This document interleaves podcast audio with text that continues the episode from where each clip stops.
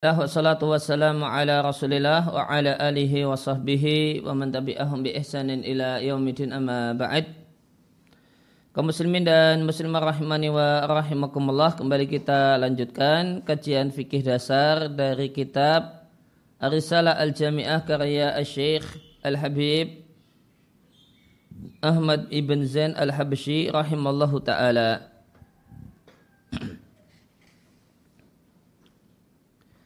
uh, kita ulangi uh, kan kita ulangi apa yang kita baca dari halaman 174 pasal tentang fi mubtilatis salati tentang pembatal-pembatal salat.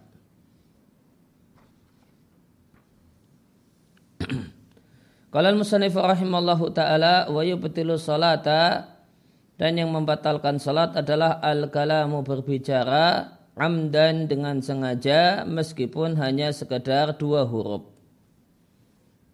Wanasian dan jika lupa maka batal salat in kathura jika kata yang terucap itu banyak. Penjelasannya yang dimaksud dengan batal di sini mencakup hal-hal yang menghalangi in iqadis salati adanya salat. Fayakunul makna sehingga makna sehingga artinya bahasanya salat baik salat fardu ataupun sunnah itu sudah batal salatnya jika terjadi di tengah-tengah salat tersebut salah satu pembatal berikut ini.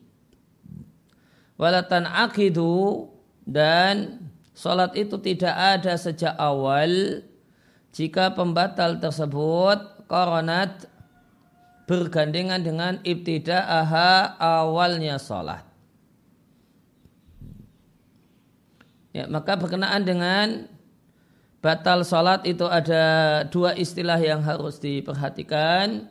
Pertama sholat batal, kemudian yang kedua adalah sholat itu la akidu. Sholat itu tidak ada.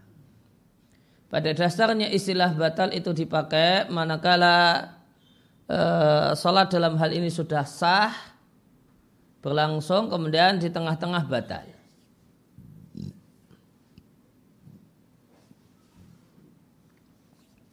Adapun jika sholat itu dari awal itu memang tidak ada secara hukum, maka disebut dengan sebutan la tanah akidu bukan dengan tabdulu. Nah di sini disampaikan bahasanya fasal pembatal sholat ini bukan hanya pembatal sholat yang murni pembatal sholat, namun termasuk juga hal-hal yang tamna'u in iqadas salati. Menghalangi mencegah untuk adanya sholat dari awal. Bedanya apa? Tadi disampaikan di akhir paragraf Dikatakan sholat itu batal manakala di tengah-tengah sholat melakukan salah satu pembatal ini. Dikatakan bahasanya sholat itu latan eqidu jika pembatal-pembatal sholat ini ada berbarengan dengan awalnya sholat. Jadi disampaikan walatan aqidu idha qaranat al-mubtilatu ibtida'aha. Kemudian di antara pembatal salat adalah berbicara berdasarkan sabda Nabi Shallallahu Alaihi Wasallam sesungguhnya salat ini tidaklah layak padanya satupun perkataan manusia. Inama huwa hanyalah isi salat itu tasbih, takbir dan baca Al-Quran. Dari Zaid ibn Arqam beliau mengatakan dulu kami berbicara ketika salat seorang itu berbicara dengan kawannya yang ada di sampingnya ketika dia salat yaitu salat berjamaah sampai Allah turunkan wa qumulillahi qanitin berdirilah kalian karena Allah dengan penuh ketundukan. Maka disimpulkan setelah turun ayat ini kami diperintahkan untuk diam dan dilarang untuk berbicara. Dan batalnya sholat orang yang berbicara fiha dalam sholat tafsilun terdapat rincian. Yang pertama ingkana amidan jika sengaja dan tahu kalau itu haram dan tahu dan sadar kalau sedang dalam kondisi salat maka salatnya batal idza nataqa jika berkata-kata dengan dua huruf berturut-turut. Yang kedua, jika tidak sengaja, kok bisa tidak sengaja kita lihat di footnote semacam lupa kalau dalam sholat. Atau keceplosan ilal kalami sehingga berbicara. Contoh orang yang nasiya fi adalah orang yang mengerjakan sholat misalnya sholat duhur baru tiga rakaat kemudian salam karena mengira telah sempurna padahal belum maka setelah salam terjadi obrolan terjadi obrolan beberapa saat baru setelah itu ada yang mengingatkan kalau rokaatnya kurang maka obrolan tadi itu pada hakikatnya obrolan di dalam sholat. Namun dalam kondisi lupa. Kondisi lupa kalau ya, posisinya adalah posisi sholat. Sehingga nanti ya, maka statusnya ketika itu sebelum diingatkan, obrolan sebelum diingatkan statusnya adalah berbicara ya, dalam sholat. Nanti cukup nambah satu rakaat. Ya, cukup tambah satu rakaat dan sujud sahwi. Maka ini menunjukkan bahasanya obrolan yang terjadi antara tiga rakaat dengan rakaat keempat pada dasarnya adalah obrolan di tengah-tengah salat namun karena nasia lupa kalau ini masih salat karena mengira sudah selesai salatnya. Kemudian aukana jahilan atau tidak tahu makduron dimaklumi. Kapan dimaklumi? Huwaman dialah orang yang korba ahduh bil islami. Dekat atau baru saja ahduhu masanya bil islami masuk Islam atau dia tumbuh besar jauh dari para ulama.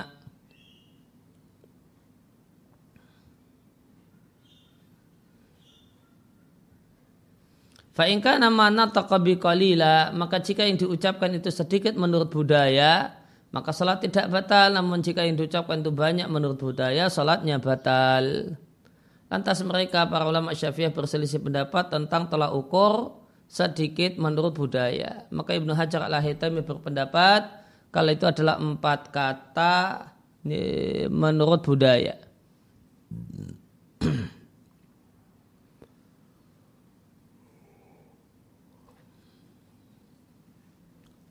Wadhahaba ghairuhu dan yang lainnya selain Ibnu Hajar al-Haytami di catatan kaki Qalyubi dan orang-orang yang mengikutinya Anahu bahasanya tolak ukurnya adalah enam kata menurut budaya.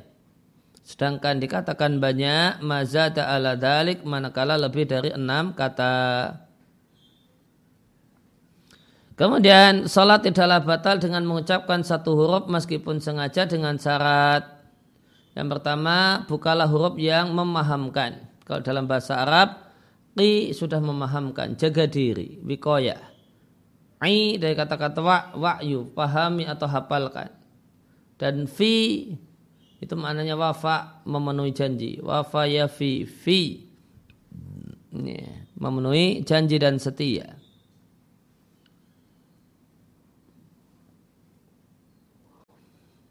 Kemudian yang kedua, alaikuna harfan mamdudan bukan huruf yang bermat.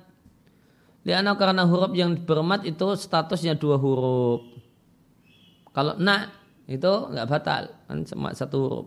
Tapi kalau na nah, dua huruf. Kemudian yang ketiga, ala yaqsida bihi dia tidak punya niat dengannya al-nutqa ucapan untuk mengucapkan dua huruf li'anna suru'a fil mubtili karena mulai melakukan hal yang membatalkan salat itu mubtilun li salati membatalkan salat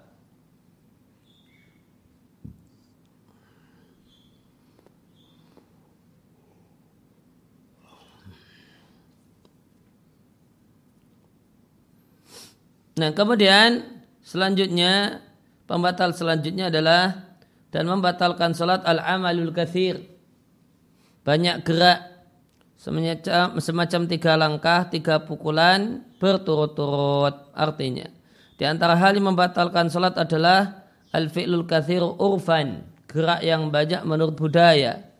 Meskipun pelakunya adalah orang yang lupa tidak tahu yang dimaklumi. Contohnya perbuatan yang banyak adalah tiga langkah.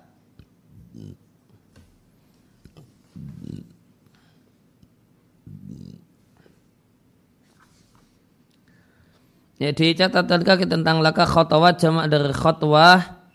Khotwah adalah memindah kaki ma maratan wahidatan sekali khotwah. Kalau khutwah Wabidhammi hakal dibaca khutwah is, ismun is nama lima baina kodamain apa yang ada di antara dua telapak kaki dan ini bukanlah yang diinginkan.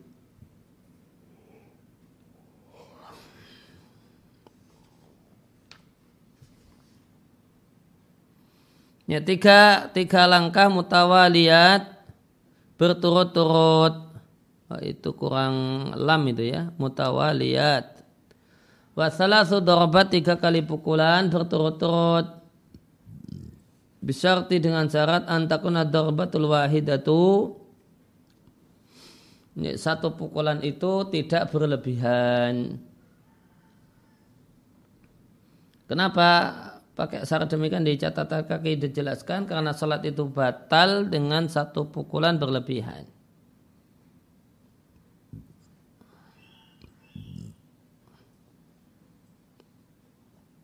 Di matan muqaddimah atau di busul karim disampaikan e, dorbat dorbatan atau memukul satu pukulan atau menendang satu tendangan yang berlebihan batalat salatuhu salatnya batal karena hal ini bertentangan dengan salat karena ini dinilai banyak keterlaluan dan menunjukkan kalau tidak peduli dengan salat.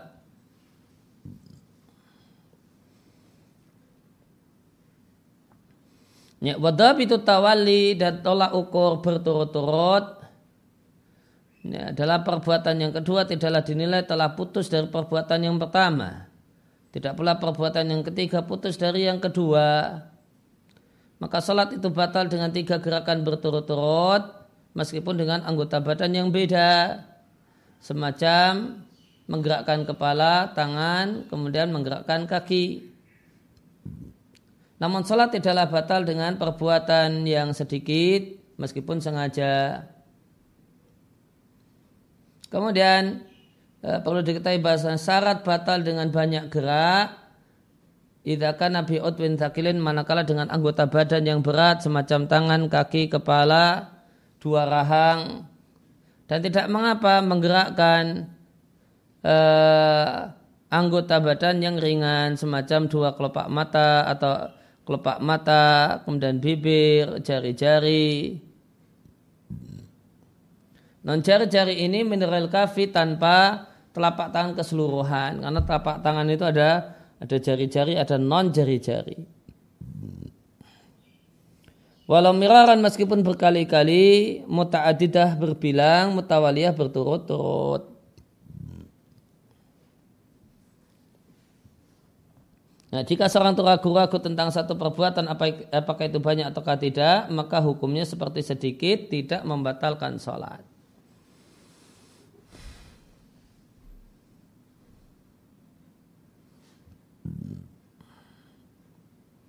Ya, walau syaka seandainya seorang itu ragu-ragu apakah perbuatan yang dia lakukan telah berturut-turut ataukah tidak, fakar ghairul mutawali maka dia diputuskan seakan-akan seperti bukan orang yang berturut-turut sehingga tidaklah batal sholatnya.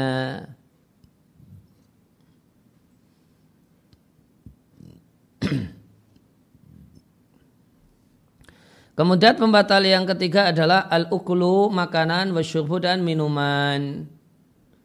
Artinya di antara pembatal salat adalah makanan dan minuman. Nah ini bacanya al-ukulu. Ini hamzahnya di domah. Maknanya al-makulu, sesuatu yang dimakan. Lain, lain kalau dibaca fatkah al-aklu maka masdar untuk perbuatan akala. Wal muradu huna dan yang diinginkan di sini adalah makna yang pertama itu al-uklu dalam artian hal yang dimakan. Wa amatsani adapun uh, yang kedua aktivitas makan al-aklu maka itu adalah afrad bagian dari banyak gerak.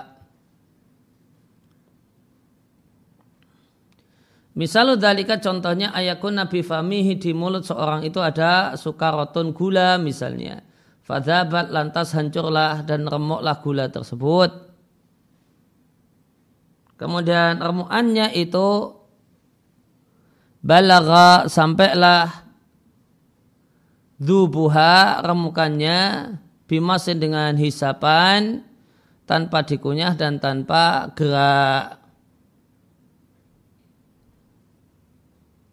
Ini contoh e, batal karena makan, namun tidak batal karena gerak. Kalau kemudian gerak-gerak, ini mulutnya gerak-gerak, nah ini kan ada unsur gerak-gerak. Kalau ini yang cuma murni makanan, yang termakan, itu tadi ada e, gula di mulut, kemudian remuk gula tersebut, kemudian e, terhisap tanpa dikunyah tanpa digerakkan.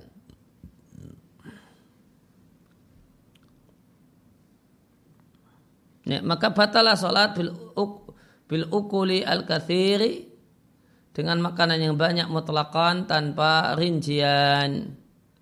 Meskipun dari orang yang lupa, orang yang tidak tahu yang dimaklumi. Adapun makanan yang sedikit, contohnya selilit, Fala yubtilu maka itu tidak membatalkan sholatnya orang yang lupa dan orang yang tidak tahu yang dimaklumi. Wa dan batal sholatnya orang yang sengaja yang tahu kalau itu haram. Dan dhabitul akli eh, kathrati wal dan tolak ukur banyak dan sedikit kembali kepada budaya.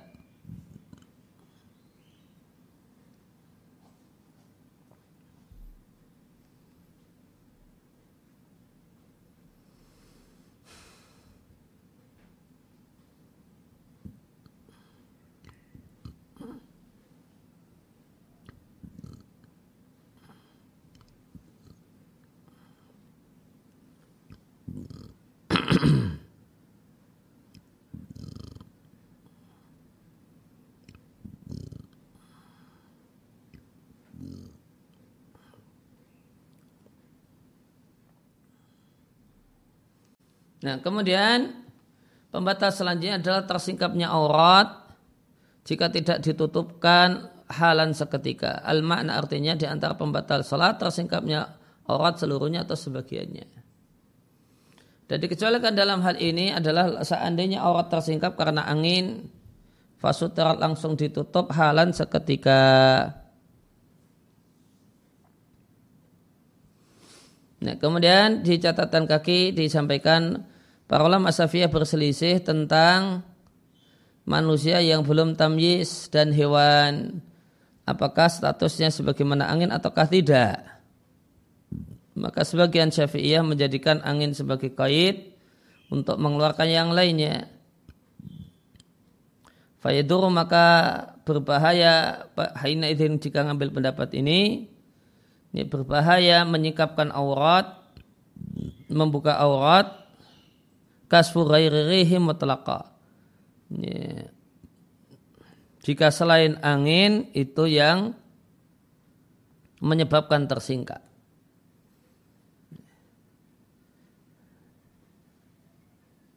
Ya, fayadur maka berbahaya itu batal hina idin pada saat itu tersingkapnya aurat meskipun bukan dengan angin mutlakan apa pun yang menyingkapnya. Artinya meskipun ditutup seketika. Kemudian sebagian syafi'ah menjadikan keturunan Adam yang belum tamyiz dan hewan adalah misla semisal hukum arih angin. Jadi itu sekedar angin itu sekedar contoh bukan jadi tolak ukur.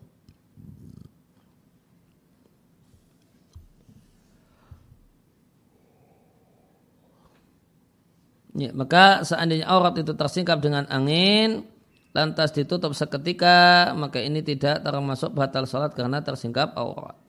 Nah seketika itu apa? Catatan kaki tiga sebelum berlalunya minimal tumak nina sholat. Ya, maka kembali ke atas ke badur al-taliah maka dikecualikan seandainya aurat itu tersingkap karena sebab angin kemudian ditutup seketika fala tabtulu salatu maka salatnya tidak batal. Naam betul lau takara kasfurihi betul kalau tersingkapnya disingkap oleh angin itu bolak-balik watal dan berturut-turut sehingga untuk kembali menutup aurat itu perlu banyak gerak yang berturut-turut maka sholat batal karena hal itu. Kemudian wuku'un najis di antara pembatal sholat adalah kejatuhan najis pada dirinya. Ilam tulqa jika najis tersebut tidaklah dibuang halan seketika min hamlin tanpa membawa najis.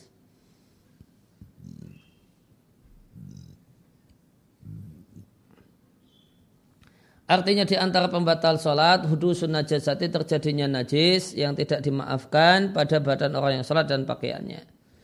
Dan dikecualikan dalam hal ini, launaha halan seandainya dia singkirkan najis itu seketika. Yaitu sebelum berlalunya minimal tumaninah dalam sholat. Min hamlin tanpa membawanya maka sholat tidak batal dalam kondisi itu. Kaan contohnya takoa najasatun yabisatun najis yang kering jatuh pada pakaian orang yang sholat. Lantas dia kibas seketika. Atau ada najis badan. Ala taubi pada kainnya. Takok jatuh. Fayadfa athauba maka dia lempar kain dari e, min makanin tahirin minhu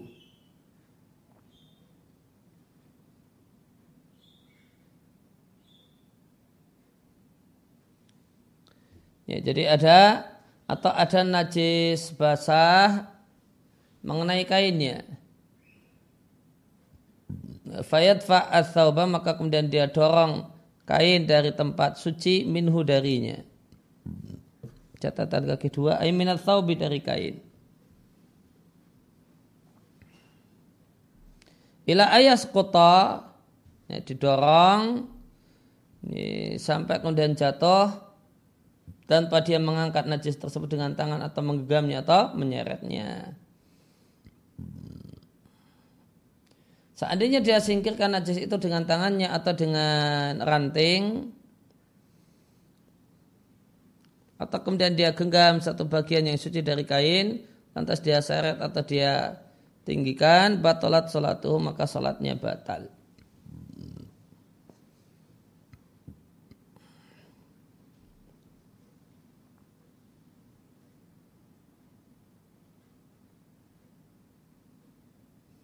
Nah, kemudian wa yubtilu hadanya membatalkan sholat adalah mendahului imam dalam dua rukun perbuatan. Yakni artinya di antara pembatal sholat adalah makmum mendahului imamnya dengan dua rukun perbuatan. Catatan kaki ketiga, meskipun rukunnya adalah rukun yang pendek semacam iktidal dan duduk di antara dua sujud. Min ghairi udhrin tanpa udhur mengingat sabda Nabi Shallallahu Alaihi Wasallam imam imam itu diangkati eh, imam itu diangkat untuk diikuti.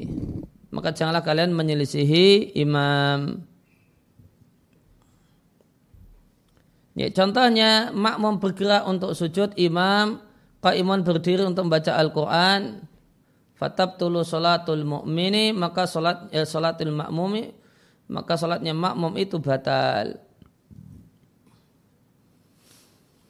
Jadi makmumnya itu baru gerak menuju sujud. Imamnya sudah berdiri.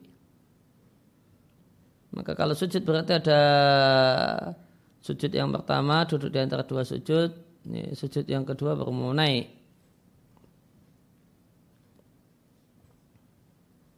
Ya, maka untuk batal harus e, mendalui dua rukun perbuatan. Maka ada dua hal yang disampaikan yaitu makmum mendahului imam dengan dua rukun ucapan maka makmum yang mendahului imam dengan rukun perjuapan semacam tasyahud akhir dan salawat Nabi Shallallahu Alaihi Wasallam fihi padanya. Karena ketentuannya dua rukun perbuatan. Ya, sehingga kalau itu adalah bacaan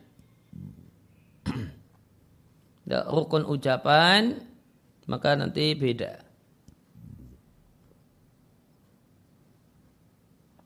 Kemudian atau di, yang kedua didahului satu rukun ucapan dan perbuatan semacam Al-Fatihah dan rukuk. Maka sholat tidak batal dalam dua hal ini meskipun sengaja. Adapun jika taqaddama alaihi bi udhrin. Jika uh, seorang makmum mendahului imam karena udur maka sholatnya tidak batal. Dan udur di sini adalah lupa dan tidak tahu yang dimaklumi orangnya.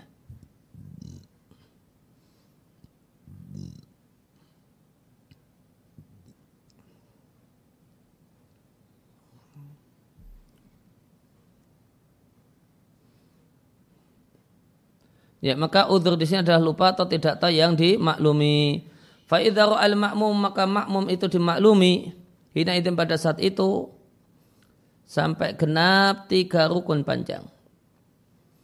Falatu sahu maka tidaklah dihitung rukun yang pendek semacam itidal dan duduk di antara dua sujud. Dan duduk di antara dua sujud.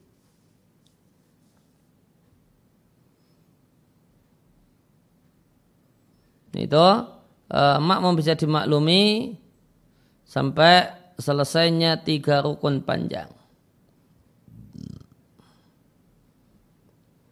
Dan tidak boleh di tohsab dihitunglah rukun yang pendek semacam itidal dan dua uh, dan duduk di antara dua sujud.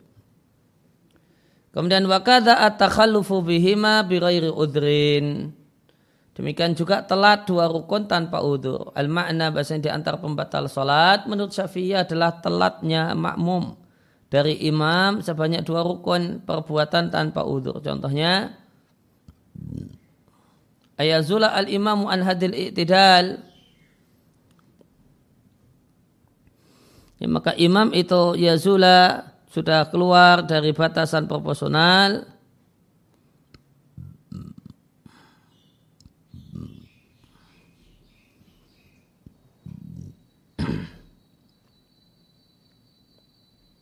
Ya, contoh batal adalah ayazula al-imam, imam telah meninggalkan ya, ayazula imam an hadil i'tidal dari batasan i'tidal. Sedangkan makmum masih dalam posisi berdiri. Karena berdiri, kemudian uh, iktid, uh, rukuk, kemudian i'tidal.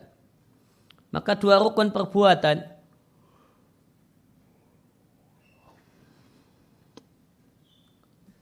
takhalufuhu anhu. Maka manakala tertinggal dari salat namun cuma dua rukun.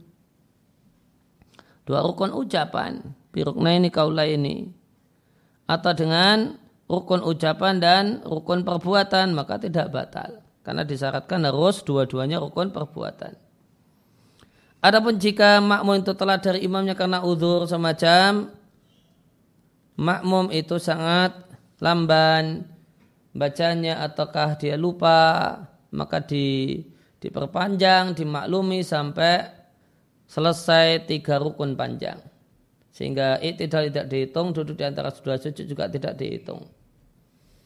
Misalnya dari contohnya makmum sampai ke telah sampai pada sujud yang kedua dan makmum masih posisinya berdiri ya, maka sholatnya tidak batal jika karena udur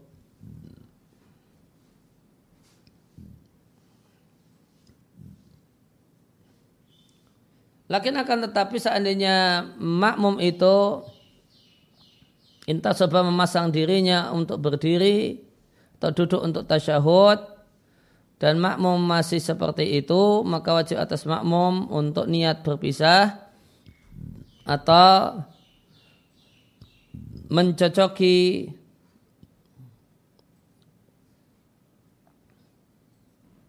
ya mencocoki imam dalam berdirinya duduknya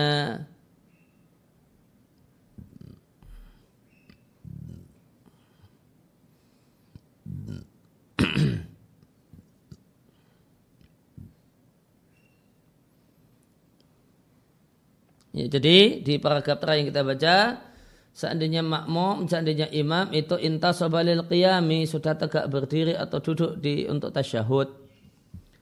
Sedangkan makmum mazala qaima masih saja statusnya berdiri, maka wajib atas makmum niat sendiri atau mencocoki imam dalam e, dalam berdiri dan duduknya. Wa ya'ti barakat e, barakatun ba'da salami imamihi.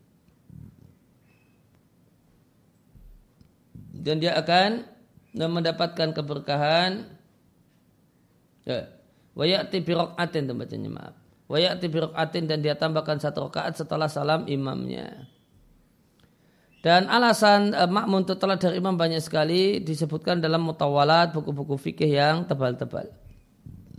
Kemudian yang poin yang terakhir di pembatal sholat tidak sah sholat di belakang orang kafir, wanita dan e, double kelamin. Khunsa catatan kaki adalah seorang yang punya alat kelamin perempuan dan alat kelamin laki-laki min dukurin au ungsa. Walman artinya tidaklah sah salat mukmin bermaum pada orang kafir. Demikian pula salatnya seorang suami yang mengikuti bimro'atin istrinya atau khunsa yaitu orang yang double alat kelamin tidak pula sah sholatnya khunsa karena mengikuti e, bimar adin.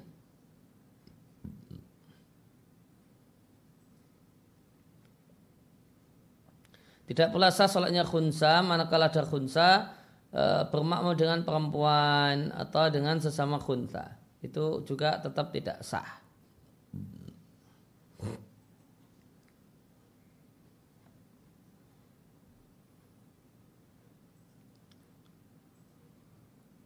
Kemudian seandainya makmum itu mengetahui di tengah-tengah sholat kafirnya imamnya, maka wajib darinya memulai sholat dari awal. Dia tidak boleh melanjutkan via padanya dengan niat mufarakah. Ditabain adam in iqadiyah karena telah jelas kalau anda belum kalau belum in iqad kalau belum ada.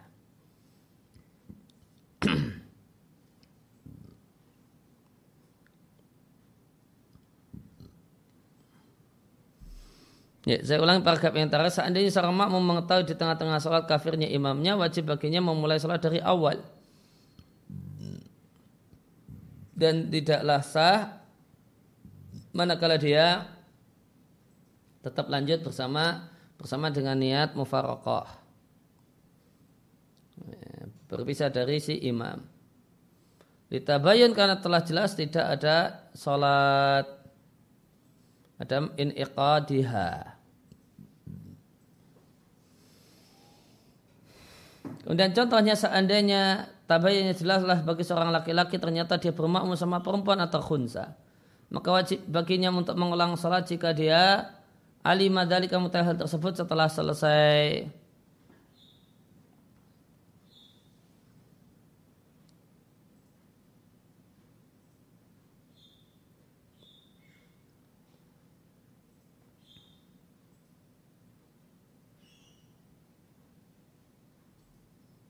saya, kita ulangi paragrafnya. Misal dari contohnya seandainya diketahuilah seorang laki-laki bermakmum dengan perempuan atau khunsa double kelamin, maka wajib bagi si laki-laki mengulang sholat jika dia mengetahui hal tersebut setelah selesai sholat. Dan wajib baginya mengulang e, mengulang sholat dari awal Ida alima, ida alima jika dia mengetahuinya fi asna'ihi di tengah-tengah salat.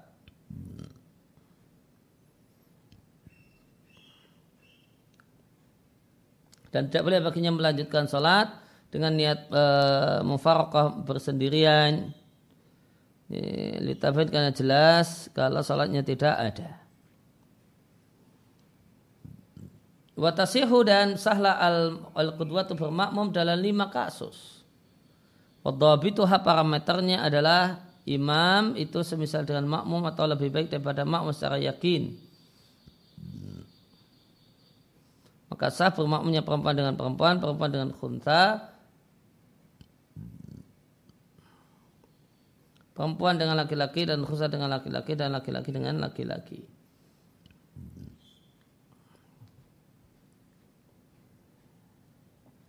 Ya, maka imam perempuan bisa makmum sama perempuan, ya, perempuan dengan khunsa, dan seorang makmum perempuan bisa bermakmum pada laki-laki, khunsa bisa bermakmum dengan laki-laki, dan laki-laki juga bisa mengimami sesama laki-laki. Itu bahasan tentang uh, ya, tentang pembatal salat. Sebelum kita lanjutkan uh, salatul Jum'ah, kita break sekitar dua menit. Nah.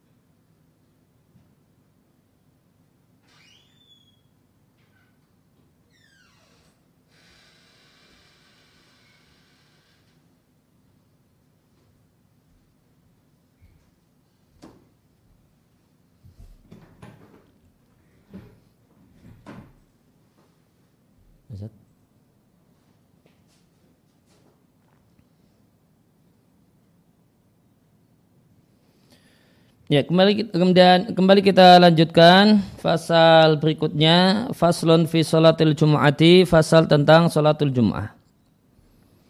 Al-jum'ah itu ada tiga cara baca.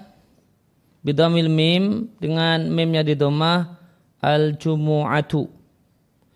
Atau dengan mensukunkannya al-jum'atu atau dengan memfathahnya al-juma'atu. Catatan kaki Imam Nawawi rahimahullah taala mengatakan yang terkenal adalah di domah mimnya. Definisinya sholat Jumat adalah dua rakaat yang dikerjakan di waktu duhur pada hari yang telah dikenal. Wahia dan sholat Jumat adalah sholat yang berdiri sendiri bukan duhur yang dikosor. Wal asl dan dalil dalam masalah dalil sholat Jumat adalah firman Allah Ta'ala Baik orang-orang yang beriman jika diseru untuk mengerjakan sholat pada hari Jumat, bersegera untuk mengingat Allah wa darul bai' tinggalkanlah jual beli.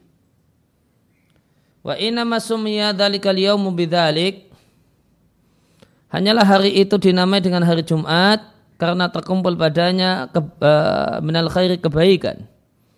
Waqila ghairu dalika dan yang lainnya. Wakana yusamma fil jahiliyah dan hari ini diberi nama di masa jahiliyah dengan sebutan hari Arubah. Nah, Arubah maknanya al-bayinu al-mu'azzam, yang jelas, yang diagungkan. Disebut juga dengan Yaumul Mazid, ya, li ziyadatil khairat karena bertambahnya kebaikan pada hari ini. Bahwa dan hari Jumat adalah hari yang paling mulia dalam satu pekan. Walailatu dan malam Jumat adalah malam yang paling mulia dalam satu pekan. Wa afdalu ayami sanati ingda syafi'iyah. Ini hari yang paling mulia dalam satu tahun menurut syafi'iyah adalah hari Arafah. Setelah itu bawahnya adalah hari Jumat. Kemudian hari Idul Adha. Kemudian hari Idul Fitri. Sedangkan, hari, eh, sedangkan malam yang paling mulia menurut syafi'iyah adalah yang pertama adalah malam maulid Nabi.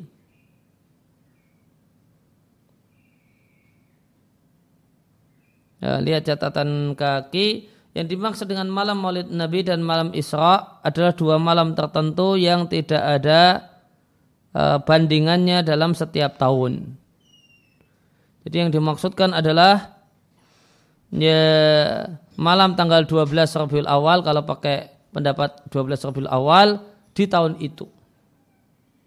Yang tidak berulang di tahun-tahun setelahnya. Kemudian malam Lailatul Qadar, kemudian malam Jumat, kemudian malam Isra. Ini tadi dijelaskan malam Isra artinya malam terjadinya Isra pada tahun itu. Dan ini untuk umat Muhammad Sallallahu Alaihi Wasallam.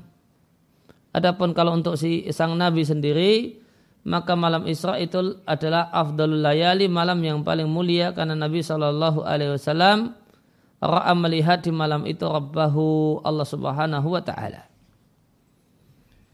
Kalau musannif rahimallahu taala salat Jumat itu fardu ain atas setiap muslim merdeka laki-laki mukallaf dia hadir bukan musafir.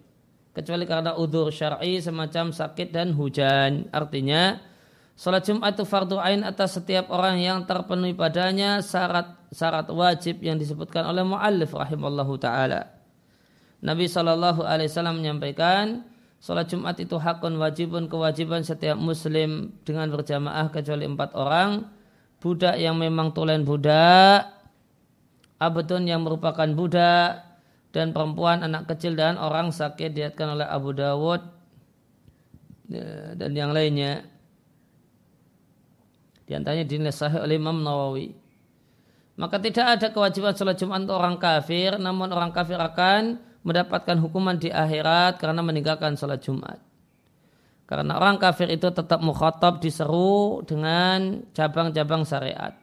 Dengan rincian syariat. Demikian juga tidak ada kewajiban sholat Jumat pada orang yang ada padanya perbudakan.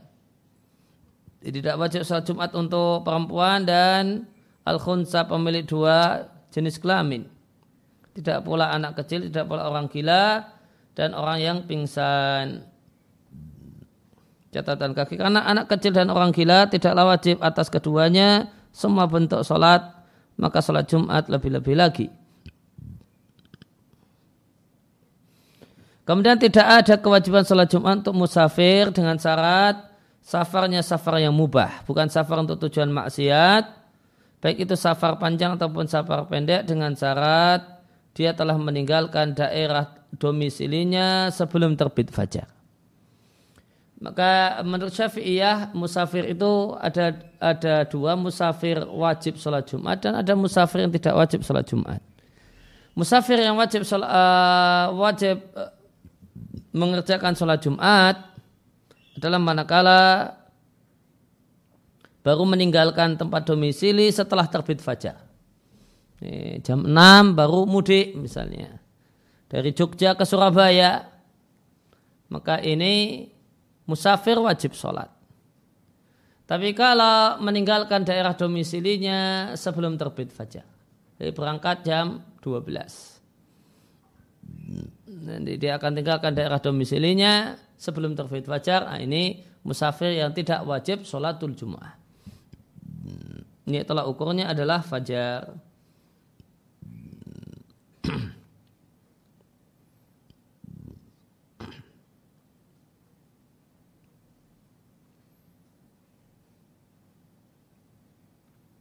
Ya, uh, apa logika Syafi'iyah kenapa menjadikan fajar itu sebagai tolak ukur? Karena uh, karena hari itu dimulai dari fajar. Kalau berangkat safar jam 6 pagi atau jam 8 pagi, ya, maka dari terbit fajar sampai jam 8 pagi statusnya mukim. Dan mukim itu wajib sholat Jumat. Kemudian setelah itu dia berangkat safar. Ya. setelah itu dia berangkat safar, maka safar itu membolehkan untuk tidak sholat Jumat. Maka terkumpul pada dirinya dua unsur. Unsur yang melarang meninggalkan sholat Jumat karena dia pernah berstatus mukim dan unsur yang membolehkan meninggalkan sholat Jumat. Dan kaidah mengatakan jika dalam satu hal terkumpul faktor yang menghalangi dan faktor yang uh, tidak menghalangi ya, maka faktor yang menghalangi yang dimenangkan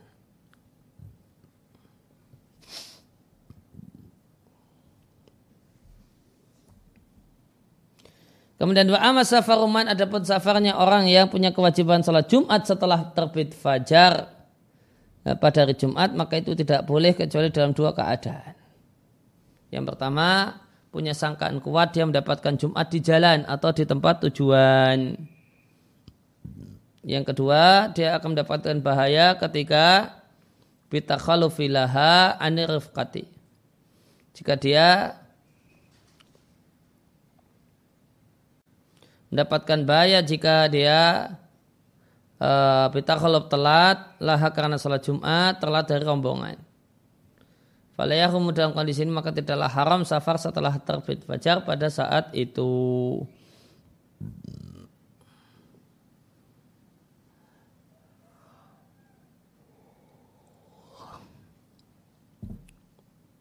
Ya maka tadi eh, pengecualian yang pertama punya sangkaan kuat untuk mendapatkan sholat Jumat di di jalan atau di tempat tujuan. Catatan kaki, walau tabayana khilafu meskipun uh, jelaslah khilafu dhannihi yang tidak sebagaimana dia, dia sangka. Annahu yudrikuha bahasanya dia mendapatkannya. Maka tidak dosa. Akan tapi seandainya memungkinkan baginya untuk kembali dan ya, dan mendapatkan salat Jumat, maka wajib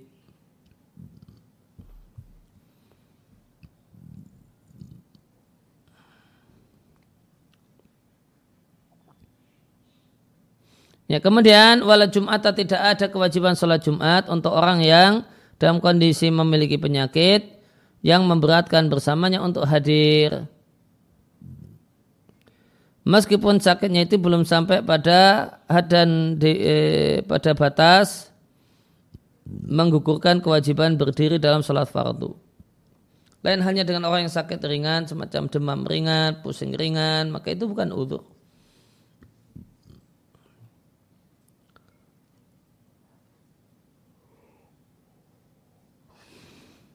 Di catatan kaki dua telah lewat tolak ukur tidak mampu yang menyebabkan menggugurkan kewajiban berdiri dalam sholat fardu.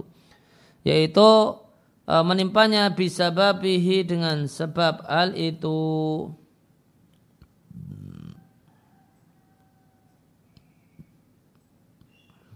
Ya, dia tertimpa e, menimpa badannya bisa babihi dengan sebab berdiri masak syadidah kesulitan yang sangat hebat Latuh malu yang dia tidak akan bisa sabar dan e, sanggup memikulnya fil adah menurut hukum kebiasaan.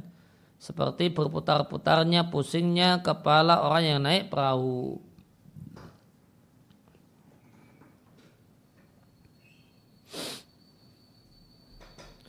Watajibu alal maridi dan wajib atas orang yang sakit dan semacam itu in hadara waktu iqamatiha. Jika dia hadir di waktu iqamahnya maka tidak boleh baginya meninggalkan kecuali ila an ila ingkana hunaka masyaqqa. Kecuali jika di sana terdapat kesulitan yang tidak bisa dipikul menurut hukum kebiasaan. Maka siapa yang ada pada dirinya ishal mencret wadhanna dan dia menyangka kalau mencret akan berhenti fahadar lantas dia datang ke masjid kemudian adalah hukum dan kembali maka wajib baginya al-insirafu bubar. In alima jika dia menyadari bahasa jika dia terus menerus dalam keadaan demikian ini istamara fiha jara jaufuhu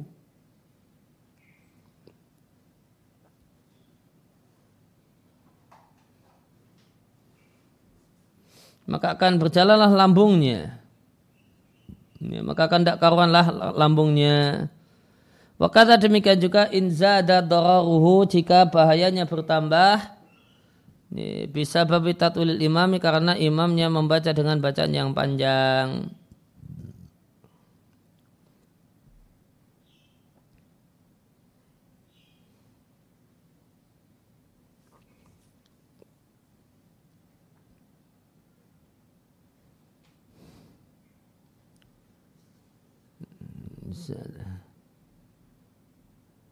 Nah. Ya, kemudian selanjutnya syarat sahnya salatul Jum'ah. Di antara syarat sah salat Jumat adalah al khutbatan ada dua khutbah. Al makna artinya di antara syarat sah salat Jumat di samping syarat-syarat yang uh, ziyadatan ala suruti ghairiha di, ya, ditambahkan pada syarat-syarat yang lainnya Ya, bahasanya di antara syarat sah sholat Jumat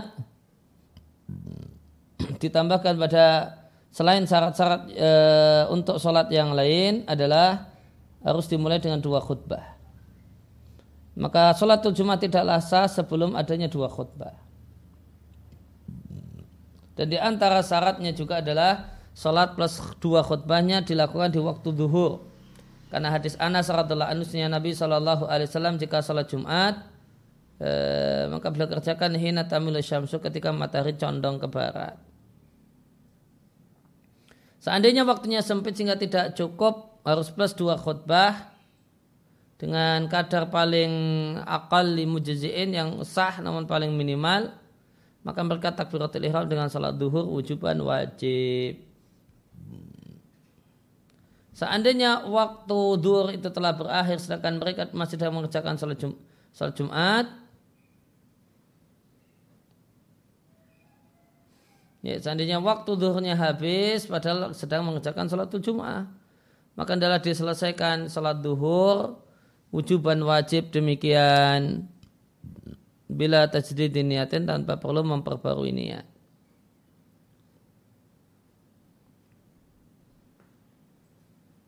Catatan kaki dua.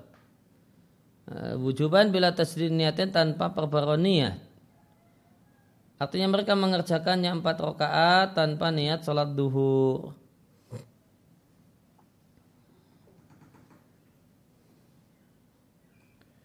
Ya, kemudian syarat yang ketiga orang yang mengerjakannya 40 orang yang itu lengkap padanya syarat wajib Jumat yaitu muslim, laki-laki, merdeka, mukallaf, punya mustautinin tempat domisili Wa istaratu dan disyaratkan dawamu hadal adati terus menerusnya bilangan 40 ini sampai selesainya rangkaian ibadah sholat Jumat. Catatan ketiga, adapun wanita, budak dan musafir yang ikut sholat, maka ya, sholat Jumat tidaklah terwujud dengan mereka. Di anak mereka tidak wajib eh, tidak wajib atasnya kesibian seperti anak-anak Kemudian tentang mustautin, catatan kaki empat. Mustautin adalah orang yang tidak safar dari tempat tinggalnya baik di musim panas ataupun musim dingin kecuali sana karena satu keperluan mendesak semacam berdagang, berkunjung dan yang lain.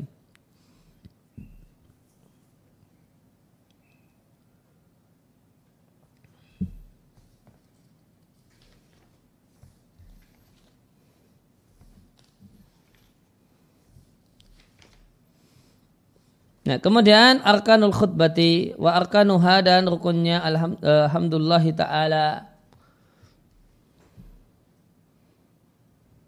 Oh, ini belum ya. Eh, di antara masih kita di sarahnya ya. tentang syarat sahnya sholat Jumat yang pertama di dalam dua khutbah, kemudian yang kedua sholat dan khutbah di waktu duhur, kemudian yang ketiga yang melaksanakan 40 orang. Kemudian yang keempat, Salat Jumat itu diadakan fi nafsil balad. Balad artinya komplek perumahan. Ay mahalal abniyah wa ma bainaha yaitu tempat bangunan-bangunan dan sela-sela di antara itu. Ya, definisi balad wal maudi adalah satu tempat yang tidaklah boleh bagi orang yang ingin safar masih mengkosor sholat di tempat itu. Maka seandainya ahlul khiyam, ahlul khiyam itu orang Arab Badui itu komitmen pada satu tempat. Maka tidak sah mereka sholat Jumat di situ. Ini, karena itu bukan balat. Definisi balat satu tempat yang orang ingin safar itu belum boleh kosor sholat di situ. Yang kelima,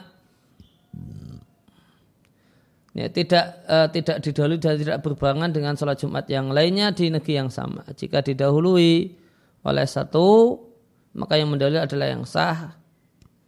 Dan jika dua-duanya bareng, maka dua-duanya batal. Hada demikian jika tidaklah kesulitan untuk mengumpulkan. Wa illa jika tidak kesulitan untuk mengumpulkan, maka boleh berbilang sesuai dengan kebutuhan fakot saja. Dan definisi susah antakuna fil istima' Yeah.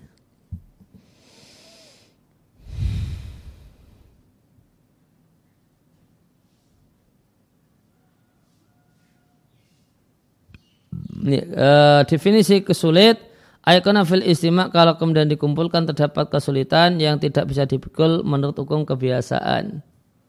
Dan di antara bentuk-bentuknya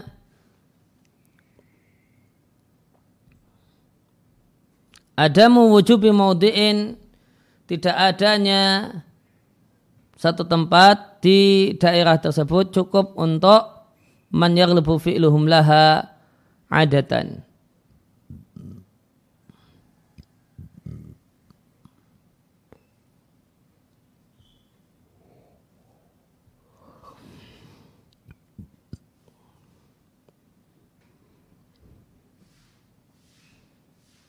Yeah.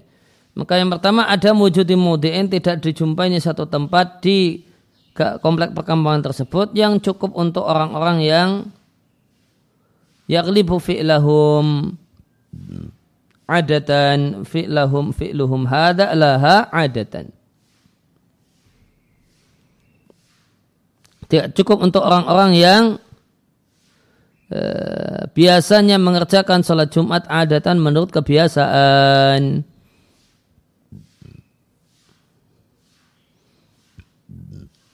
Ya, kemudian berjauhnya ujung-ujung kampung di mana adzan tidak sampai kepada mereka. Kemudian yang ketiga, antakuna benom kita terjadi peperangan di antara sesama mereka.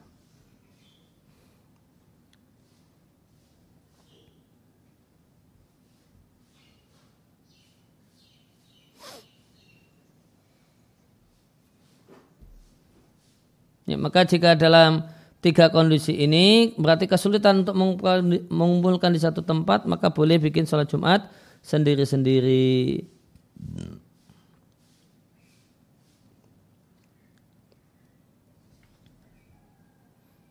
Nah, kemudian tentang rukunnya insya Allah akan kita bahas di pertemuan esok pagi. Wassalamualaikum ala nabiyina Muhammadin wa ala alihi wasallam. Ada pertanyaan?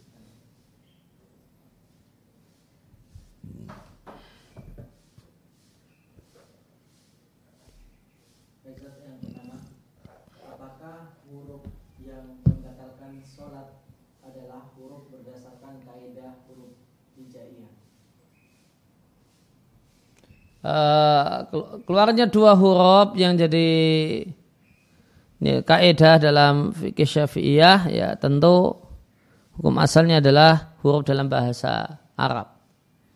Ini namun yang tidak menghasilkan makna. Ya, atau kemudian uh, satu huruf saja maka belum batal kecuali jika satu huruf itu sudah memahamkan semacam qi ra ai dan seterusnya. Nah. Kemudian yang berikutnya, Assalamualaikum Ustaz. Waalaikumsalam warahmatullahi. Saat sujud kita dianjurkan banyak berdoa. Apakah boleh berdoa dengan mengambil ayat dari Al-Quran atau hanya boleh doa-doa di luar ayat Al-Quran? Amin. Uh, untuk doa saat sujud boleh dengan doa-doa yang ada dalam Al-Quran dengan niat membaca doa dan bukan niat membaca Al-Quran. Nah. yang berikutnya Bismillah, apa Jika telapak kaki perempuan yang di saat sujud tersingkap dan saat berusaha menutupinya melakukan beberapa gerakan, apakah hal tersebut membatalkan sholat juga? Ya, perempuan yang melakukan sejumlah banyak gerak dalam rangka menutupi auratnya dalam sholat, insya Allah tidak uh, mengapa. Ya, meskipun kalau menurut Syafi'iyah ya mungkin cukup mengapa karena jika lebih dari tiga kali. Tapi uh, yang dalam hal ini kami sarankan insya Allah tidak mengapa. Nah.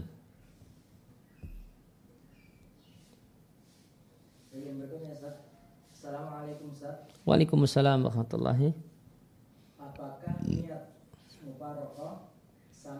niat sholat sendiri? Uh, niat ya. Dan apakah niat mubarakah ini mengganti niat yang awalnya sholat jamaah menjadi niat sholat sendiri di tengah-tengah sholat syukron? Ya, uh, pengertian niat mufarakah ya berubah niat yang semula mau berjamaah menjadi sendiri saja. Nah. Bismillah, Assalamualaikum Ustaz. Waalaikumsalam warahmatullahi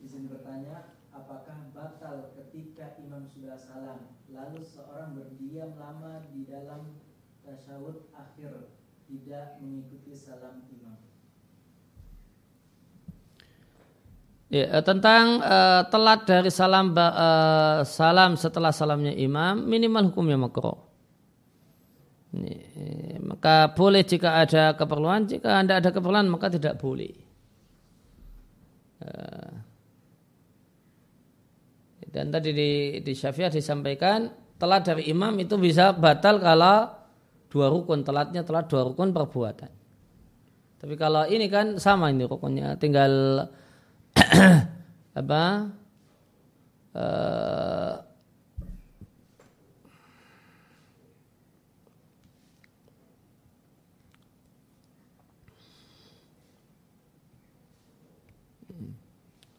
ya kalau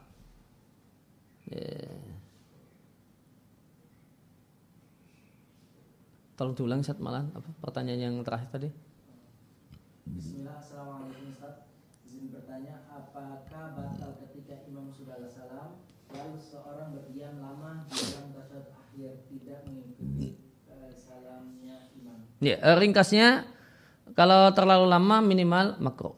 Ya, jangan lama-lama karena yang diperintahkan adalah mengikuti imam jumlah minimal uh, ahlu Jumat ya insya Allah akan kita bacakan dan kita sampaikan di pertemuan yang akan datang.